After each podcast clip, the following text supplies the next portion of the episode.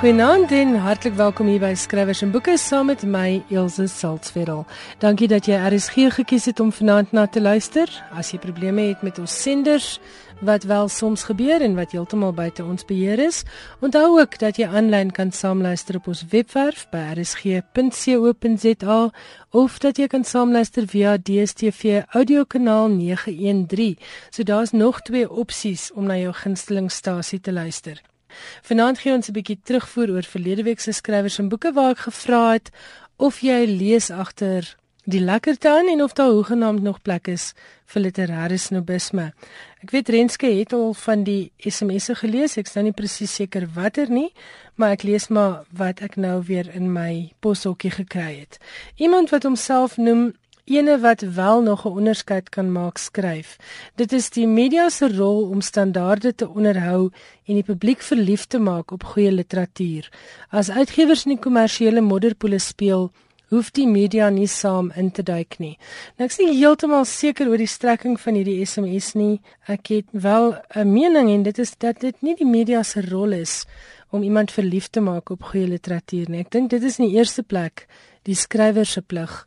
Die media moet 'n rol speel ten opsigte van alle literatuur en wat mense moet onthou is dat kommersiële verkope, met ander woorde verkope van lekker leesboeke, uitgewershuise oop hou en dit is wat sorg dat daar nog wonderlike letterkunde geproduseer kan word. Want as uitgewers net op die verkope van letterkundige werke moet gaan, het hulle lankal hulle deure gesluit. So ons kan nie net neersien op kommersiële letterkunde en besluit dit het nie 'n bestaansreg nie. Die volgende SMS is uh een van dankie sê R sê die boekprogram is regtig 'n oase. Ek geniet die skrywer se vakmanskap en menswees in hulle boeke. En dan skryf Renay: "Hallo, ek lees vir die suiwer genot daarvan. Letterkunde, ligterboeke, biografieë, gedigte, tydskrifte of 'n suikerpakkie, solank ek net kan lees, Afrikaans of Engels." Renay, dis min of meer my ingesteldheid ook. Ek dink as 'n mens 'n leser is, dan sal jy die ontbytpap se boks ook lees as daar niks anders met lettertjies in die huis is nie. Mibi skryf: "Dankie vir 'n insiggewende onderhoud met Marzaan. Ek geniet die Israel reeks baie." Baie dankie vir die terugvoer. Maak weer so. Die SMS nommer is 34024 en elke SMS kos R1. Nou 'n bietjie nuus oor gratis kinderverhale. Ons praat later in die program ook weer oor kinderverhale wanneer Johan Meiburg met ons gesels oor Roald Dahl. En hier is nou 'n webwerf met gratis verhale vir kleintjies. En Marita Snyman wat hierdie projek bedryf skryf oor klik klik. Dit is die webwerf se naam. Verkondig wyd en suid die boodskap aan oumas en oupas, ma's en pa's, onderwysers en wie ook al. Afrikaanse kinderstories vir kinders van 7 tot 11 is gratis beskikbaar op Klik Klik se storiewinkel. Nou is daar geen verskoning meer om nie te lees nie. Lees soveel jy wil en betaal nie 1 sent nie. Gaan lees gerus by www.klik, dit is nou die gewone Afrikaanse klik K L I E K, gevolg deur klik die Engelse klik C L I C K.co.za. Ek herhaal dit net weer www.klik clicc.co.za. Dit is 'n wonderlike projek sonder enige winsbejag wat plaasvind op die webwerf klikklik.co.za. Dankie vir die laat weet Marita.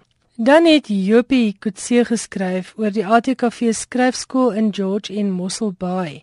En hierdie is 'n eerste skryfskool wat spesiaal vir die skrywers van die Suid-Kaap aangebied word. Nou skryf Jopie is daar twee geleenthede vir mense van die Suid-Kaap om hulle skryfdroom 'n werklikheid te maak. Die Suid-Kaap Skrywersgilde het hande gevat met die ATKV Skryfskool om twee eendagkursusse aan te bied om skryfvaardighede aan te leer om jou storie gepubliseer te kry. Die skryfkursus is op intree vlak en geen voorafkennis is nodig nie. Al wat jy hoef saam te bring is jou skryfdroom en jou passie vir skryf. Die kursusleiers is die bekroonde professore Bernard Odendaal en Hans Du Plessis van die ATKV skryfskool aan die Noordwes Universiteit. Die kursusse word aangebied op Vrydag 19 Februarie in Mosselbaai en weer op Saterdag 20 Februarie in George. Volledige kursusmateriaal word voorsien en 'n sertifikaat van bywoning word uitgereik aan alle kursusgangers. Die koste beloop R450 per persoon en dit is dan vir die ATKV skryfskole in George en Mosselbaai. Dit is net een dag geleenthede. Jopie sê daar is ook plek vir twee verdienstelike platsak aspirantskrywers wat deur die ATKV geborg sal word. So as jy dit wil bywoon maar jy kan dit werklik nie bekostig nie, kontak vir Jopie Kutse by 082 336 8118 of stuur 'n e-pos na jopie j o p i e by global.co.za En natuurlik is die Suid-Kaap Skrywersgilde ook op Facebook waar jy ook kan kontak maak. Daar's nog net 'n paar plekke, so ek dink jy sal moet spring om nie hierdie geleentheid mis te loop nie. Bly ingeskakel want later in se program gesels ek oor nog 'n skryfskool. Hierdie keer een wat aangebied word op die Noordwes Universiteit se kampus. Dit is naamlik die ATKV Skryfskool, se baie bekende herfskool. Daar lê altyd 'n hele klompie boeke op my lesenaar, 'n klomp wat ek wil lees, 'n klomp wat ek moet lees en dan so af en toe een wat ek wil lees en wat 'n heerlike voorreg is om te moet lees. Een van hulle is Vlam in die sneeu, die korrespondensie tussen Ingrid Jonker en Andrei P Brink. Nou moet ek dadelik erken, ek het sonder enige besonderse verwagtinge hierdie boek begin lees. Ek het nie 'n vreeslike grondige kennis van hulle twee se lewensverhaal nie en ek geniet die boek vir verskeie redes. Ek gesels nou met professor Willie Burger oor die boek en soos wat hy ook uitlig, is daar 'n klomp redes hoekom hierdie 'n belangrike boek in die Afrikaanse letterkunde is. Geniet die gesprek.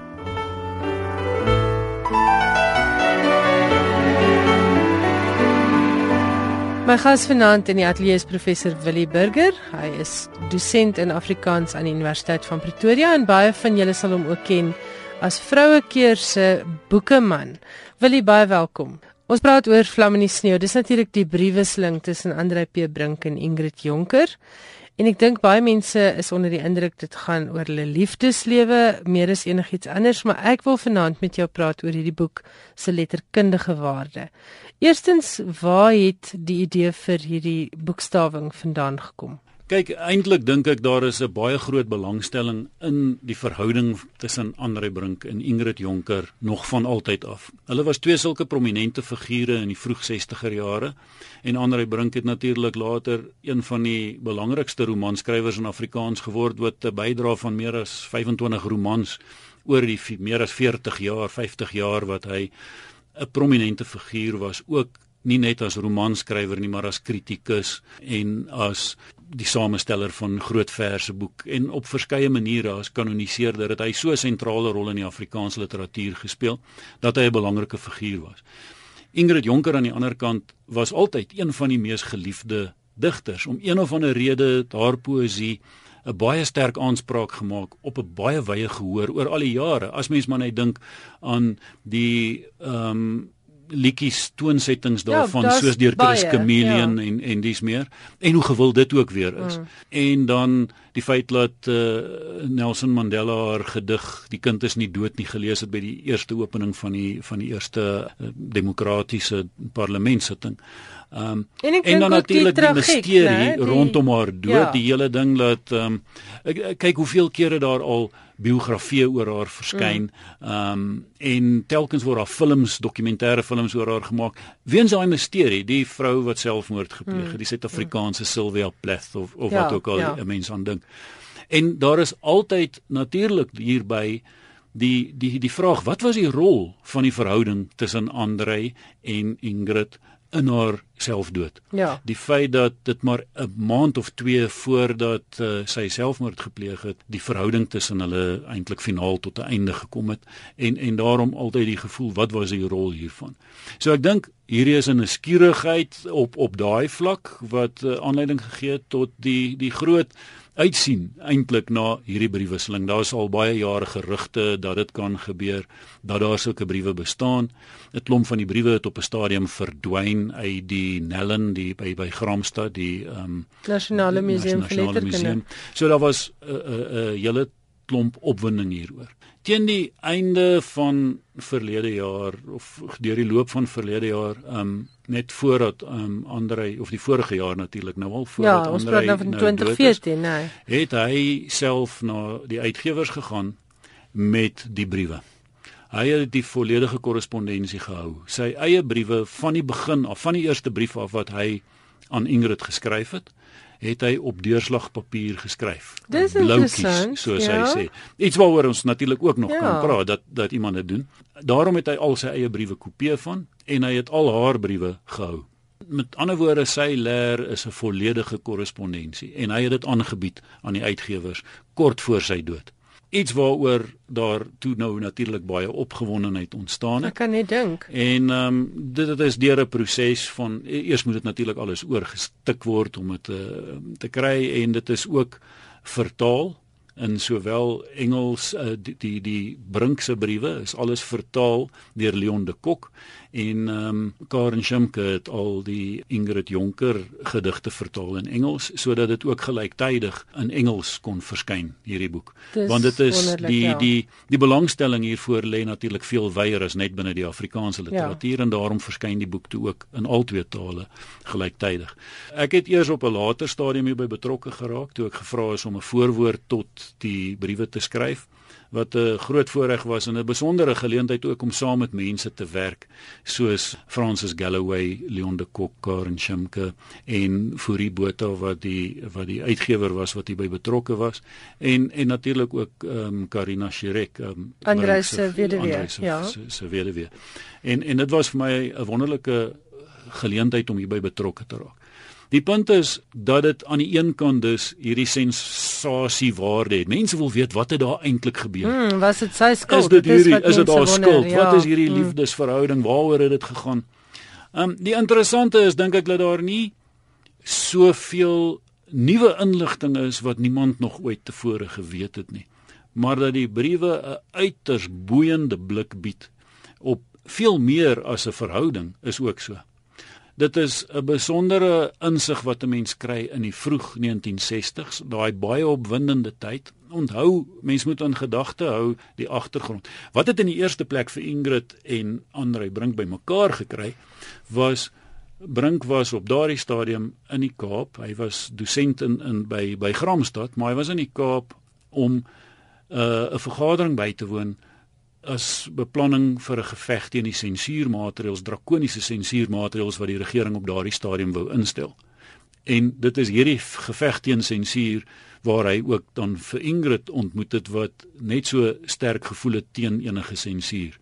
Hulle het ontmoet juis by so 'n geleentheid en Ja. en dit was nou as jy nou ooit iewerster oënskynlik liefde met 'n eerste oogopslag wou sien, was dit met hierdie twee die geval. En hulle was On- beide nog jonk. Hulle dit moet 'n mens natuurlik Ja. ook onthou, hulle was nog in hulle 20's. Ja. Ehm en en die hele verhouding het eintlik maar kwaliek 2 jaar geduur Ja. en hierdie hele verhouding was grootliks deur korrespondensie gevoer. Die tye wat hulle eintlik bymekaar was, is bitter min. Dis 'n gesteelde naweek hier, 'n paar dae daar, 'n geleentheid daar. En as mens moet kyk na die hoeveelheid tyd wat hulle regtig bymekaar was, is dit min. Was sy toe al getroud of was sy nog Goed, kyk eh, as 'n mens na daai persoonlike agtergrond wil kyk, dan moet 'n mens weet op daai stadium was Andrei Brink getroud, ehm um, en hy het 'n jong baba gehad. goed? Ehm um, Ingrid was reeds getroud, maar vervreem van haar man. Ehm um, sy het saam met haar man uh, getrek Johannesburg toe en het weer teruggegaan Kaap toe en was op daai stadium vervreem.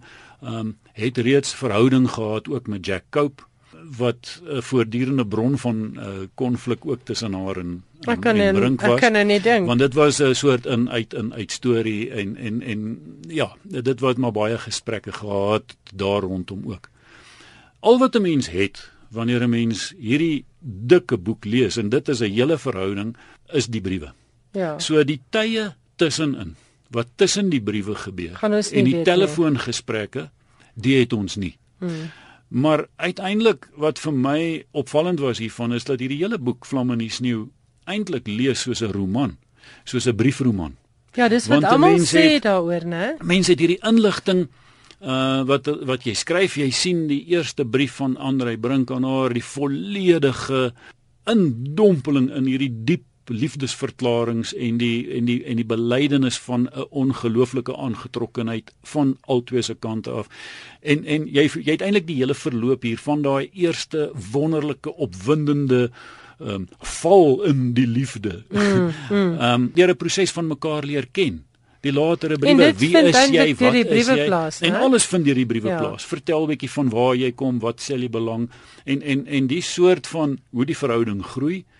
En dan het jy telkens sulke die briewe word so al hoe meer entoesiasties ons sien mekaar binnekort en dis nou nog net soveel dae dan is ons by mekaar.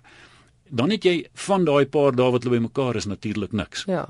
En dan skielik weer 'n brief wat net begin ek is verskriklik jammer oor wat gebeur het En jy weet nie. En jy so weet nie presies wat gebeur ja. het nie. So dis 'n halfspanningsroman, liefdesroman, autobiografie. Daarom is dit 'n spannende boek ja. om te lees. Ja. Veral ook as 'n mens kyk na die einde toe hoe dat die briewe van Jonker al hoe meer desperaat raak en die laaste briewe van Brink is nie hier nie. Wat interessant is, hy het dit kennelik nie meer op deurslagpapier geskryf nie. Of hy wou dit dalk nie deel nie, né? Nee, ek ek twyfel. Ek dink dit hy het dit net nie eers meer gehou daarvan nie. Dit was ook baie ja. korter en en ek dink tot 'n groot mate is dit die verhouding was afgeloop wat hom betref en, ja. en en en die waarde wat hy daar uit gehad het ook as skrywer dink ek was verby. Mm, mm.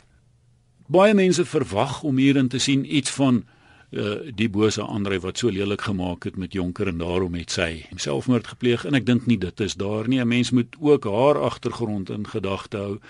Ehm um, daar is maar 'n groot mate ook van emosionele uh, onstabiliteit ja. by haar. Uh, sy is al voordat hierdie verhouding begin het, was sy al in Valkenburg behandel. Uh, daar is 'n hele verhandeling geskryf oor haar psigiese toestand uh, wat vir baie jare onder embargo was deur van 'n merwe. Dit is onlangs is daar al die dokumente van gesprekke wat hy gevoer het ook gepubliseer. Nog een van daai boeke oor haar en die belangstelling oor haar. Nietemin uh, kry mens hier 'n beeld van 'n hele liefdesverhouding van die aanvanklike halsoorkop liefde deur die verwerking van 'n klomp probleme, die nader aan mekaar groei, die verwyderings tot 'n uiteindelike uitmekaar val. En dit is dis eintlik 'n soort hele lewe wat 'n mens hierin kry. En dan is dit nie gewone briewe nie. Dis briewe geskryf deur twee mense wat maar kan skryf. Ja, ja, 'n digter en 'n romansier. Jy herken onmiddellik in Brink se briewe die tipiese Brink styl. Dit is daai lang aaneenlopende wonderlike sinne, goeie paragrawe. Dit is so goed geformuleer. Ehm um, dit is dis meesleurend geformuleer. Dit lees soos enige van sy romans en by haar eh, korter briewe, sy is die digter, sy is nie so geneig tot dieselfde soort romantiese um, uitbreidings, liriese styl nie. Ja. Maar mens kry ook hier 'n ander beeld van Jonker as wat sommige mense het. Daar is sommige mense wat die beeld het van 'n van 'n effense ligte loskop dollar wat hier so rondval van die een partytjie na die, na die ander intussen in 'n paar mooi gediggies geskryf het. En en mense kry hier baie duidelik die die besef dat dit nie is nie. En hoeveel denke en gedagtes hier agter gaan by haar ook. En ek dink wat vir my die opvallendste is van die hele verhouding is die ongelooflike invloed wat Jonker op Brink se werk gehad het en die invloed wat hy op haar werk gehad het. En dit is waar ek dink uit 'n literêre oogpunt anders as hierdie meer nuuskierige oor die mense alleen, is daai vir my baie belangrik.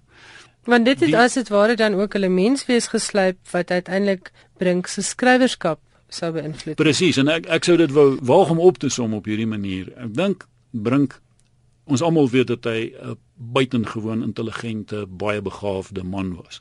Maar op daardie stadium, hy was jonk, hy het pas twee meestersgrade by die PUK gekry en 'n tydjie in Parys deurgebring. Hy skryf ook in in sy uh, autobiografie vir in die pad dat daar 'n paar goed is wat sy lewe uh, radikaal beïnvloed het. En hy skryf dit ook hier in in in Vlamme in die sneeu in sy eerste brief aan Jonker, skryf hy daar is 'n paar goed wat sy lewe radikaal verander het. En die een was sy besoek tyd aan Parys en die ander was die geboorte van sy kind en die derde een was toe hy vir haar ontmoet het. En, en ons kan nou by terugskoue kan ons sê dit was so. En hier kan 'n mens dit baie duidelik sien. Hmm. Die indruk wat 'n mens kry is laat Brink in daai stadium hoogs intelligent, hoogs begaafd, 'n groot klomp van die denke en die filosofie van 'n opstand teen alle inperkings, die die die opstand teen klein burgerlikheid en die belaglike beperkings van staat en kerk op samelewing en en daai benoudheid van die kleiner Afrikaner wêreld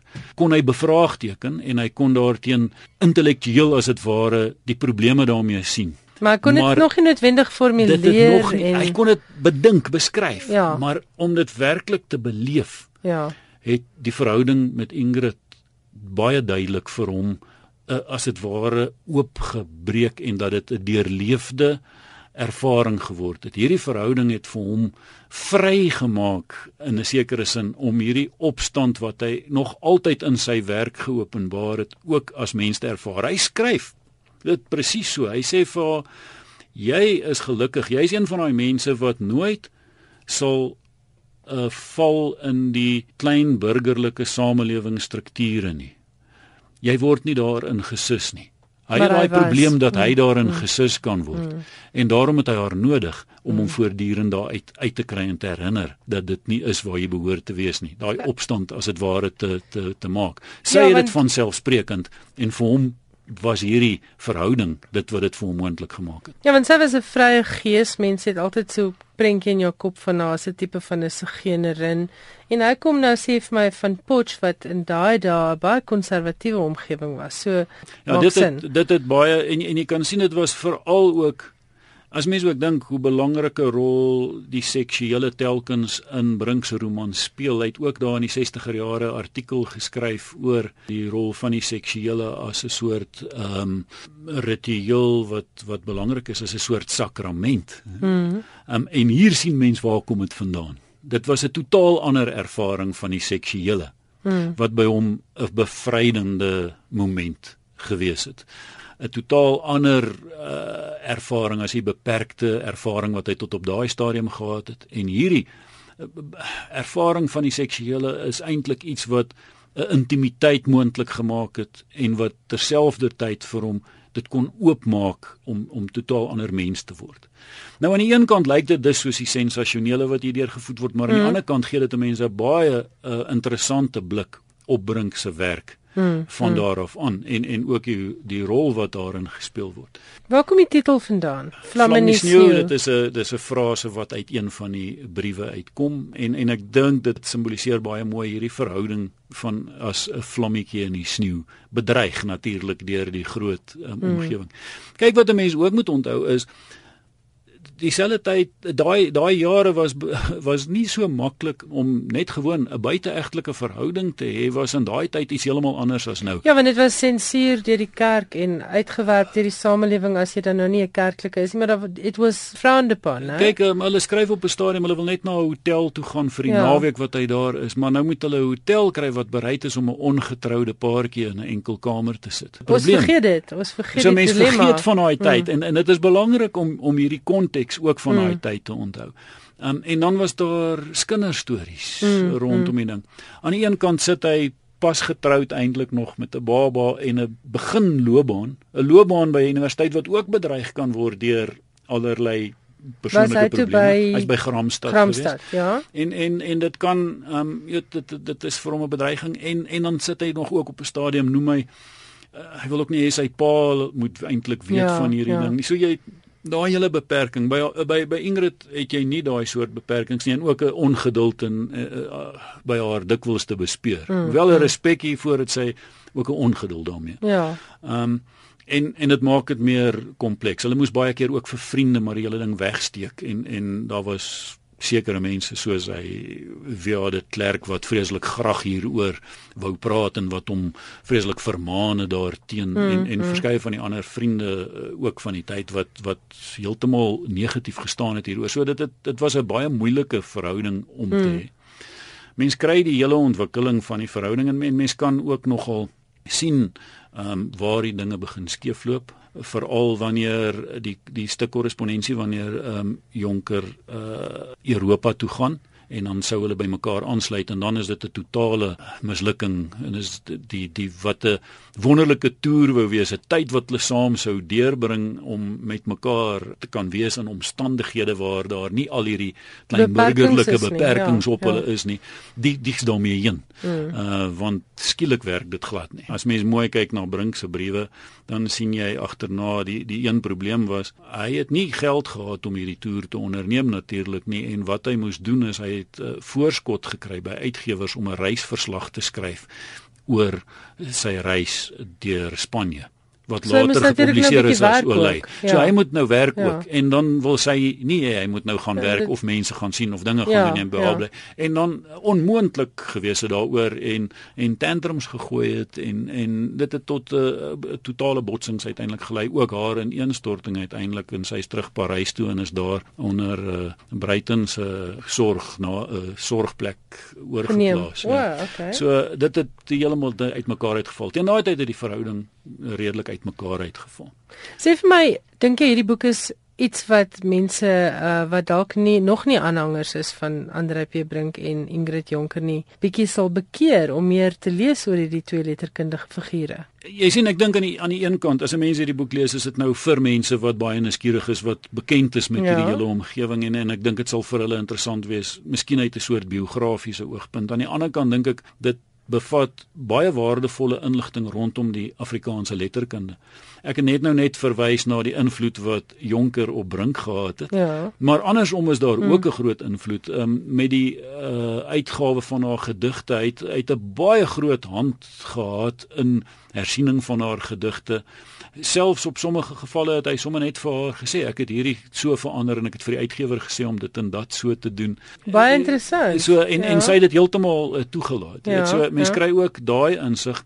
Maar dan aan die ander kant dink ek as iemand heeltemal koud van buite af hierop afkom en nog brink nog jonker se werk ken of die omstandighede gaan dit steeds fascinerend wees. 'n boeiende soort ja. briefroman wat jy kan lees. En en ek dink dit sal baie mense boei omdat dit so in die eerste plek so besonder goed geskryf is deur twee woordkunstenaars.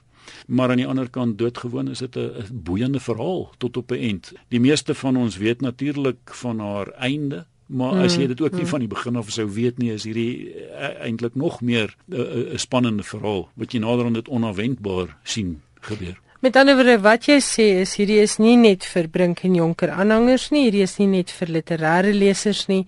Hierdie is iets wat enige gewone leser wat 'n goeie storie geniet, dalk nou net aangebied op 'n anderster manier, beslis sal geniet. Beslis. En ek en ek sou nog 'n groep lesers wou byvoeg en ek dink dis mense wat doodgewoon geïnteresseerd is in die geskiedenis. Ja. Onthou daai vroeg 60er jare was 'n interessante tyd, nê? Nee? Dit was die ehm um, ehm um, tyd met toenemende sensuur en dit is uh, speel 'n belangrike rol hier telkens hierdie mm. verwysings mm. na die verbod op uh, where the lion feeds van Wilbur Smith. Daar's heeltyd ja, die die die die swaard van moontlike verbod wat mm. hang oor brink en hulle praat oor Lobola wat miskien gaan verbied word. Mm. Ehm mm. um, en op 'n stadium dan skryf hy, dis tog jammer dat hulle dit nou nie verder gaan nie want hy was nou reg vir die geveg. Mm. Ehm mm. um, so mm. mense kry daai omgewing maar ook dis die tyd van die stasiebom Ehm um, en mense kry baie inligting rondom die tyd. Hmm, Ehm um, wat wat ek dink ook waardevol is. Kultuurhistories is dit interessant. Ook die die manier waarop doodgewoon die algemene nuus en die gebeure in hulle werk insypel is interessant. 'n uh, Ander ding wat ook miskien meer vir die literêre lesers interessant sal wees, maar ek dink vir enige geïnteresseerde leser is die groot klomp verwysings na wat hulle besig is om te lees. Hulle skryf vreeslik baie vir mekaar oor wat hulle lees, oor watter gedigte hulle inspireer, oor wat hulle besig is om te doen. Sy vra ook vir hom baie keer, "Wat kan ek nog lees?" en hy maak aanbevelings en hy koop dikwels vir haar boeke, help vir haar ehm um, uh, met keuses um, mm, vir boeke. Mm. En ehm um, Die ander ding is sy het ook 'n vinger op die pols gehad van die Engelse literêre wêreld. Sy dikwels ook in die kontras die tydskrif wat daai tyd onder redakteurskap van Jack Cope was gepubliseer. Hmm. Dikwels gedigte sy het van haar gedigte selfs gestuur vir Andre en vir Jack Cope met albei die opdrag aan die, aan mekaar. Ons nou, dieselfde gedig, jy weet. Ehm sure. um, so maar ook in Engels en in Afrikaans gepubliseer. Ehm um, en en daardeur ook uh, die mense sien ook daar dat by hulle ten minste was daar 'n groter bewustheid van die breër Suid-Afrikaanse skrywers. Ehm um, nie net 'n baie nou enger Afrikaanse wêreld nie, maar 'n baie wyeer ehm um, leeswêreld ten minste veral by Brink en ehm um, die hele wêreldliteratuur wat telkens in sy pul in alles ehm um, en haar verwysings na gedigte Nederlandse gedigte wat sy ook baie respek voor het wat inglip ook in haar werk op baie maniere. So ek dink uit daai oogpunt is dit is dit ewenigs 'n baie interessante teks om te lees. Dit was professor Willie Burger van die Universiteit van Pretoria wat met ons gesels het oor Vlam in die sneeu, die briewesling tussen Ingrid Jonker en Andre P Brink. Willie baie dankie, jy maak altyd vir my letterkunde so lekker oop en lewendig. Ek hoop lesers gaan nou na die boekwinkel storm en hierdie boek gaan koop. Baie dankie. Dankie. Vlam in die sneeu word uitgegee deur Umutsi, 'n druknaam van Penguin Random House en dit kos R350. Ek gesels vanaand met professor Bernard Odendaal. Julle ken hom as iemand wat gereeld aan skrywers en boeke deelneem, maar vanaand praat ek met Bernard in sy hoedanigheid as direkteur van die ATKV skryfskool aan die Noordwes Universiteit se Potchefstroom kampus.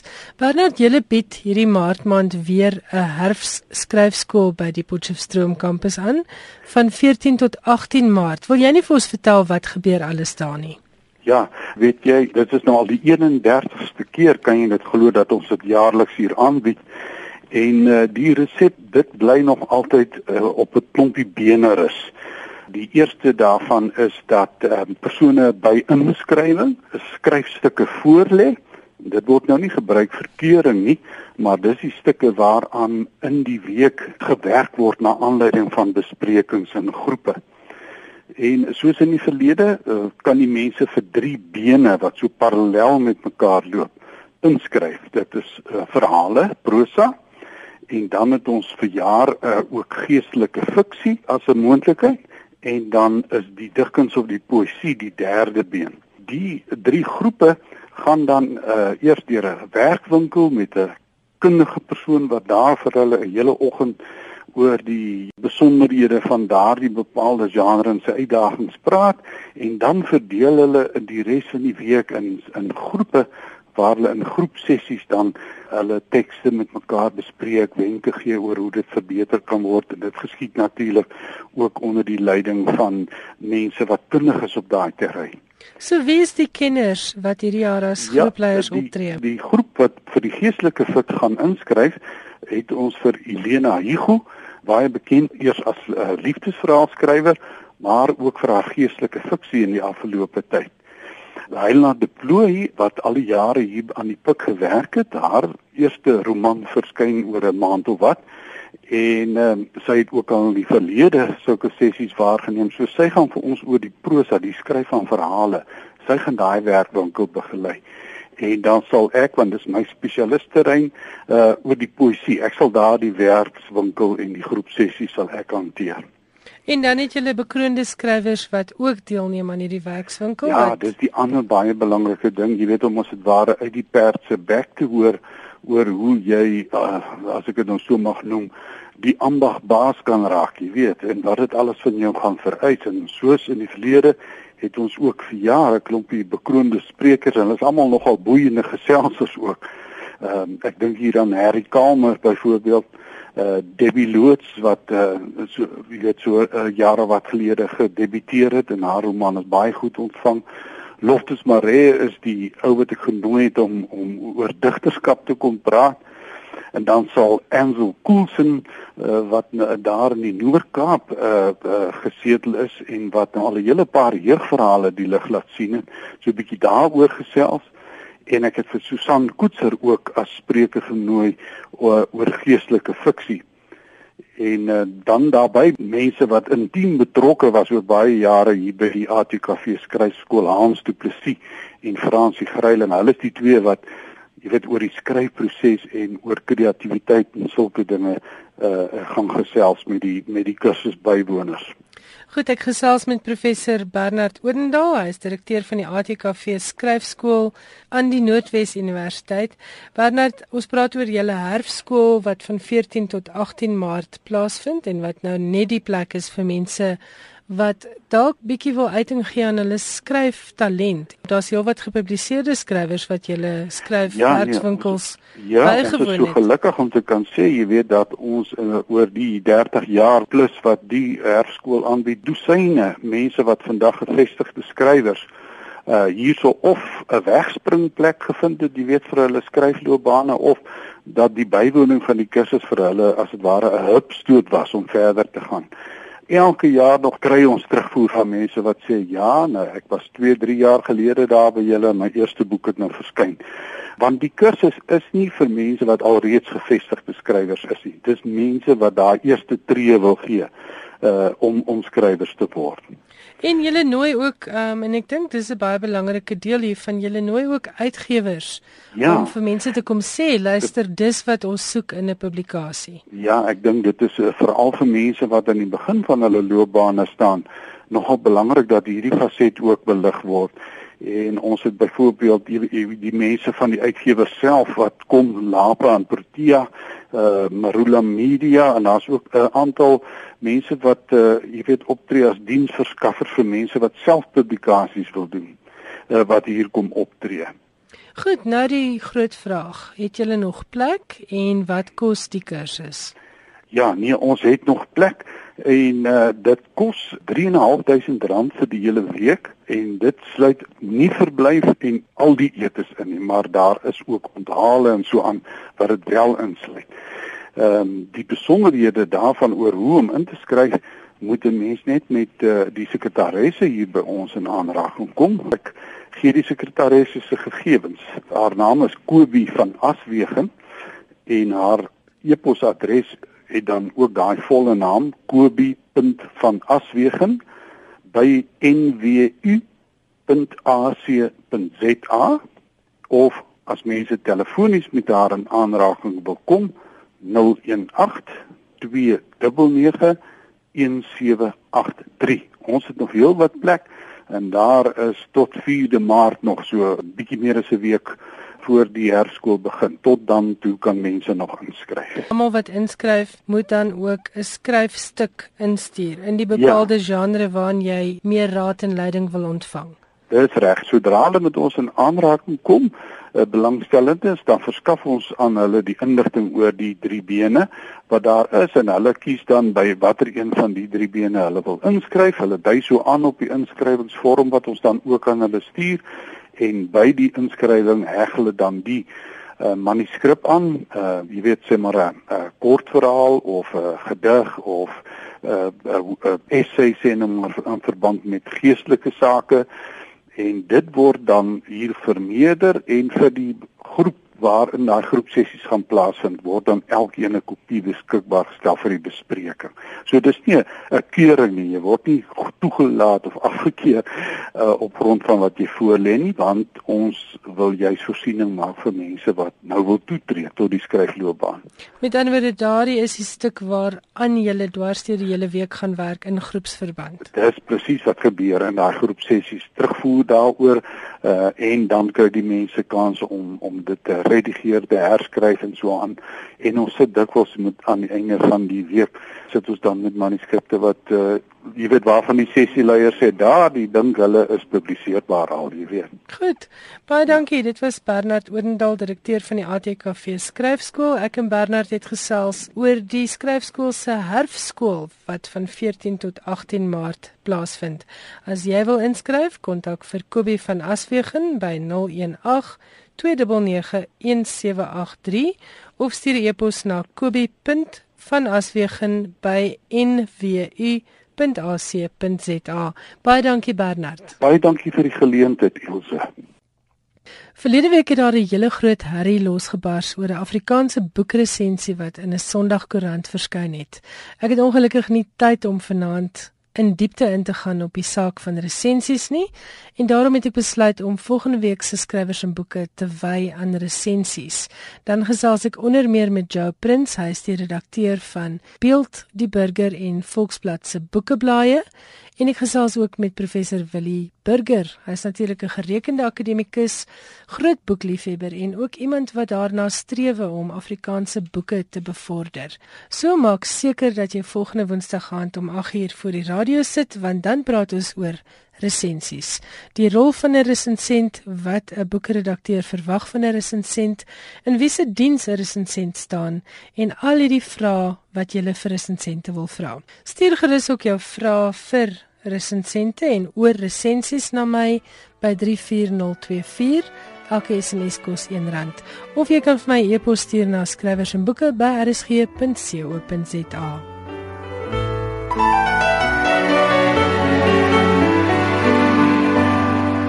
Johan Meiberg is vanaand in die ateljee onder andere met terugvoer oor wat toe nou gebeur het by die Oxford Literary Festival en die pleidooi dat skrywers betaal moet word vir hulle optredes. Ja, nadat skrywers soos Philip Pullman, Francesca Simon en Joanne Harris te velde getrek het teen die fees se standpunt om skrywers nie te vergoed nie, het die fees nou aangekondig hy besin daaroor hoe om dit reg te kry om sprekers te vergoed. Dit sal dan wees vir 2017. In 'n verklaring het die fees gesê hy erken en begryp die sterk gevoel in die literêre gemeenskap oor die saak en staan simpatiek oor die saak. Pullman het die herrie aan die gang gekry toe hy bedank het as beskermheer van die Oxford Literary Festival uit protes teen die fees se gebruik om skrywers nie te vergoed nie. En dan het Penguin Random House, die internasionale uitgewer reus, aangekondig hy gaan hom voortaan nie meer daaraan steur of kandidate wat vir werk aansoek doen tersiêre opleiding het of nie. Die uitgewersbedryf word immers van te min verskeidenheid beskuldig, sê Penguin Random House. Volgens die maatskappy is daar al meer bewyse dat daar geen verband is tussen 'n graad en 'n suksesvolle professionele loopbaan nie. Die besluit kom enkele maande nadat die rekenmeestersfirma Ernst & Young een van die firmas in Brittanje wat die meeste graduandi lok, besluit het om nie voortaan die Britse A-levels of universiteitsopleiding as voorwaarde vir 'n betrekking te handhaaf nie. Volgens Penguin Random House se hoof van menslike hulpbronne, Neil Morrison, wil die uitgewer mense lok wat kan help om die toekoms van die maatskappy te help bepaal, ongeag hul agtergrond. As jy talentvol is en potensiaal het, wil ons graag van jou hoor. Is sy boodskap aan werksoekers of jy nou 'n graad het of nie. Om die beste boeke uit te gee, het hy vervolg, het ons mense uit alle agtergronde nodig en 'n werkmag wat 'n samestelling is van die samelewing waaruit dit kom. Die Franse skrywer Michel Tournier is onlangs oorlede in die ouderdom van 91. Tournier word gereken as een van die vernaamste Franse skrywers van die tweede helfte van die 20ste eeu. Hoewel daar geen amptelike benoemingslys vir die Nobelprys bekend gemaak word nie, is Tournier se naam telke male genoem as 'n moontlike kandidaat vir die literêre prys. In 1970 het hy die roemryke Franse Prix Goncourt gekry vir sy roman oor 'n man wat kinders werf vir die Nazi-regime. In sy vertaalde vorm heet die roman The Earl King. In 2004 het hy saam met skrywers soos Arthur Miller, Günter Grass en Gabriel Garcia Marquez bygedra tot Telling Tales, 'n bundel kortverhale wat saamgestel is om geld in te samel vir die stryd teen HIV-vigs in Suid-Afrika. Tournier was ook bekend as skrywer van kinderverhale. Tournier het sedert 1957 in die Franse dorpie Choiseul gewoon waar hy ook begrawe is. En nou iets meer oor die meester van kinderverhale. Die 100ste geboortedag van Roald Dahl word vanjaar op 16 September gevier. En Wallis is in rep en roer om soos in 2014 met die viering van die 100ste geboortejaar van die digter Dylan Thomas die gebeurtenis feestelik te gedenk. Noem die naam Roald Dahl en karakters soos the BFG, Big Friendly Giant, Willy Wonka en Matilda laat mense mondhoeke lig. Meer as 200 miljoen eksemplare van sy storieboeke het al verkoop deur die jare en hy het menige kinders daarmee droomland toe gestuur. Boonop het Daal volwassenes betower met sy spook en ander makabre stories. Roald Dahl se ouers was Noorse burgers wat met sy geboorte in Cardiff gewoon het en Dahl het die grootste deel van sy lewe in Engeland gewoon. Maar Cardiff meen dis tyd om die beroemde skrywer op te eis. Volgens die artistieke direkteur van die Wales Millennium Centre wat ook agter die plan sit, is en ek haal aan Roald Dahl 'n seun van Cardiff. Sy pa het hier gewerk en die area buite ons gebou heet die Roald Dahl plein. En boonop is die Noorse kerk waar sy ouers aanbid het net om die draai. Roald Dahl is genoem na die poolverkender Roald Amundsen, 'n held in Noorwe. Sy moedertaal was Noorweegs en sy ouers was Lutherane. Dahl het in Llandaf in die noorde van Cardiff skool gegaan en op 9 is hy toe na 'n kosskool in Engeland. Hy het nietemin sy lewe lank 'n sterk gevoel vir Cardiff gehad. En in September kry Cardiff die geleentheid om 3 dae lank die kern van die wêreldwye Roald Dahl fees te wees. Die organiseerders poog om vir die duur van die fees Cardiff die stad van die onverwagse te maak. Sonder om te veel weg te gee, kan ons net sê ons verwag honderde Dahl karakters in die stad en heelwat verrassings. Nader in September dalk meer oor Roald Dahl. Weet jy Jan, ek het nooit geweet hy is 'n Noorweer nie.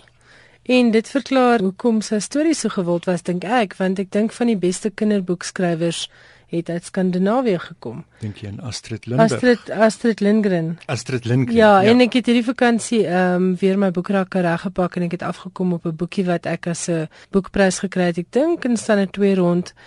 En ek sien doodseker of dit ook Astrid Lindgren is, maar dis ook 'n Noorse skrywer en die boek se naam is Maren se uiltjie. En daai boek het 'n wêreld vir my oopgemaak. Dit is net ongelooflik hoe skandinawiese skrywers kinderverbeeldings kan prikkel. Andersen? Ja, Andersen ook en ek ja. dink miskien is dit omdat hulle in hierdie land bly waar dit 6 maande van die jaar skemer is. So jy moet regtig jy moet lees en jy moet verbeeldingryk omgaan met die lewe want die natuur bied vir jou maar min kansse. Baie dankie, lekker soos altyd.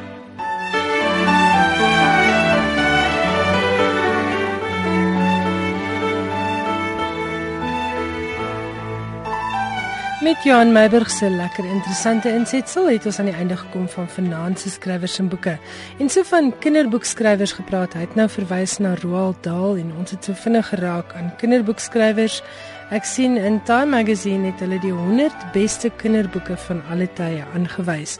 Volgende week gaan ek 'n bietjie meer daaroor uitbrei, maar laat weet ons intussen, wat is jou gunsteling kinderboeke? Plaaslike skrywers of internasionale skrywers. Stuur 'n e-pos na skrywersenboeke@rsg.co.za of stuur 'n SMS na 34024. Elke SMS kos R1. Ek is Elsje Saltzfeld. Volgende Woensdag aand is ons terug met skrywers en boeke. Tot dan, jy kan luister na elke skrywers en boeke wat ons tot dusver opgeneem het as 'n potgooi. Dit is beskikbaar op ons webwerf by rsg.co.za en dis ook 'n handige hulpmiddel om af te laai vir boekklub besprekings. Baie dankie dat jy saamgeluister het. Tot volgende Woensdag aand. Totsiens. thank you